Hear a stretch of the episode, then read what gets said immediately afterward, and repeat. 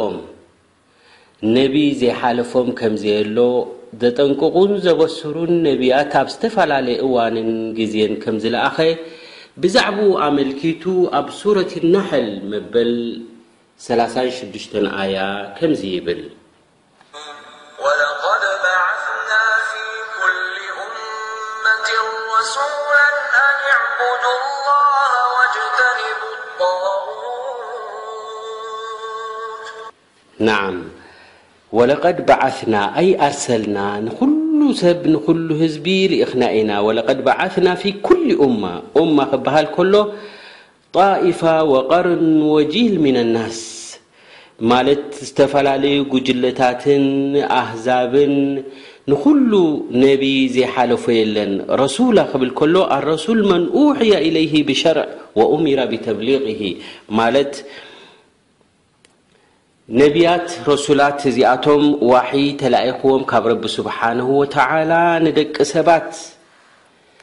ትእዛዛት ናይ ረቢ ዘመሓላልፉ እዚኣቶም ረሱላት ይበሃሉ እዞም ከምዚኦም ዝበሉ ናብ ቅኑዕ ዝሕብሩ ናብ ተውሒድ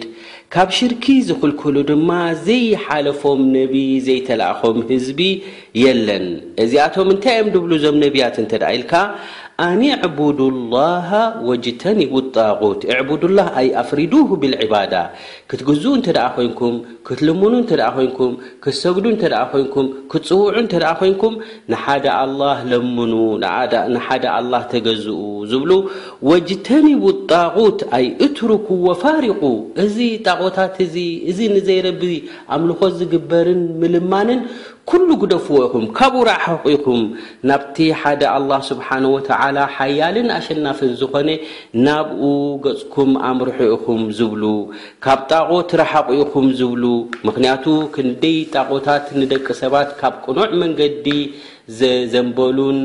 ናብ መንገዲ ጀሃነም ዝመርሑን ስለዝኾኑ ካብዚኣቶም ራሓቑ ኢኹም ጣዖት ዝበሃል ድማ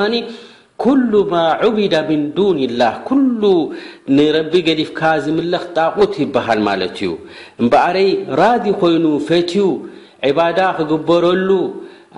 ዝእዝዝ እንተ ኮይኑ ነፍሱ ውን እዚ ጣቁት ይበሃል ማለት እዩ እምበኣረይ እዛ ኣያ እዚኣ እንታይ ትሕብረና እንተ ኢልና ኣላሁ ዓዘ ወጀል በቲ ርህራሄ ናቱን ራሕማ ናቱን ንዝኾነ ትኹን ህዝቢ ተውሒድ ዝጽውዑ ካብ ሽርኪ ዘጠንቅቁ ኣላህ ሱብሓነሁ ወተዓላ ከም ዝለኣኸ ካብ ግዜ ሰይድና ኣደም ጀሚርካ ክሳብ መጨረሻኦምን መደምደምቶምን መደምደምታን ብሉጹን ምሩጹን ዝኾኑ ነብይና ሙሓመድ ሰለላሁ ዓለይሂ ወሰለም ናይዚኣቶም ስራሕ እዕቡዱላሃ ወጅተኒቡ ጣጉት ዝብል ከም ዝነበረ ይሕብረና እምበኣር ካብዛ ኣያ እዚኣ እንታይ ነስተፊድ እንተ ኢልና ኣነ ልሕክማ ምን ኢርሳሊ ሩሱል ህየ ዳዕወቱ ኢለ ተውሒድ እቲ ሕክማ ናይ ረቢ ስብሓን ወተዓላ ነዞም ልኡኻት እዚኣቶም ነዞም ነቢያት እዚኣቶም ዝልእኮም ዝነበረ ንምንታይ እዩ እንተ ኢልካ ህየ ኣዳዕወቱ ኢለ ተውሒድ ናብ ተውሒድ ኣላህ ስብሓን ወተዓላ ንብሕቲኡ ንዑ ጥራሕ ኣምልኹ ፅባሕ ንጎ ከይትቁፅዑ ዝብሉ ካብ ሽርኪ ዘጠንቅቑ ከምዝለኣኸ ረቢ ስብሓን ወተዓላ ኣብዛ ኣያ እዚኣ ኣብ ሱረት ናሓል መበል ሰላሳን ሽዱሽተን ኣያ ትርከብ ኣብሪሁልና ከምኡ እውን ኣነ ዲን ኣልኣንብያ ዋሒድ ዲን ናይ ነብያት ሓደ እዩ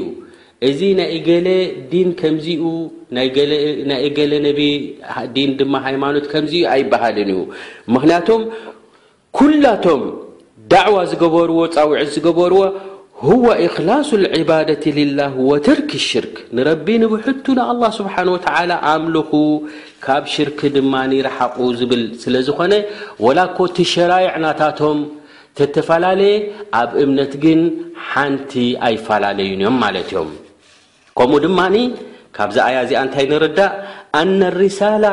ዓመት ኩለ ልኡመም እምበኣር እቲ መልእኽቲ ናይ ረቢ ስብሓን ወተዓላ ንኩሉ ህዝቢ በፂሑ እዩ ወቃመት ልሑጃ ዓላ ኩሉ ልዕባድ ጽባሕ ንግሆ ኣይፈለጥናን ኢሎም ደቂ ሰባት ምኽንያት ከቕርቡ ኣይክእሉን እዮም፣ ምኽንያቱ ንኹሉ ህዝቢ ነቢ ዘይሓለፎ የለን። ከምኡ ውን ዒዘሙ ሻእኒ ተውሒድ ወኣነሁ ዋጅቡን ዓላ ጀሚዕ ኣልኡመም እምበኣር እዚ ጉዳይ ናይ ተውሒድ ዓብይ ቆላሕታ ክግበረሉ ዘለዎ ዓብይ ጉዳይ ምዃኑን ይበርሃልና ምኽንያቱም ኩሎም ነብያት ናብዛ ቃል እዚኣ ካብ ዓደሙን ካብ ፀውዑን ጉዳይ ናይ ተውሒድ ዓብይ ምዃኑ ይበርሃልና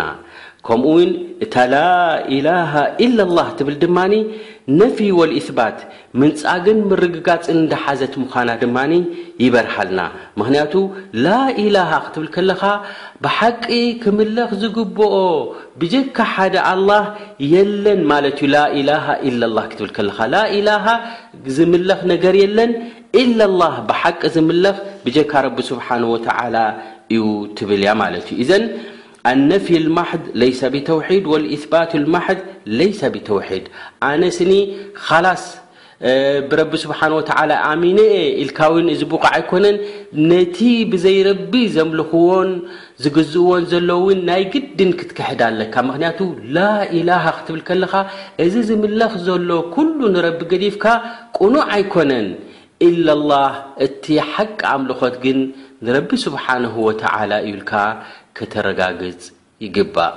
ወሰለላሁ ወሰለመ ዓላ ነቢይና ሙሓመድ።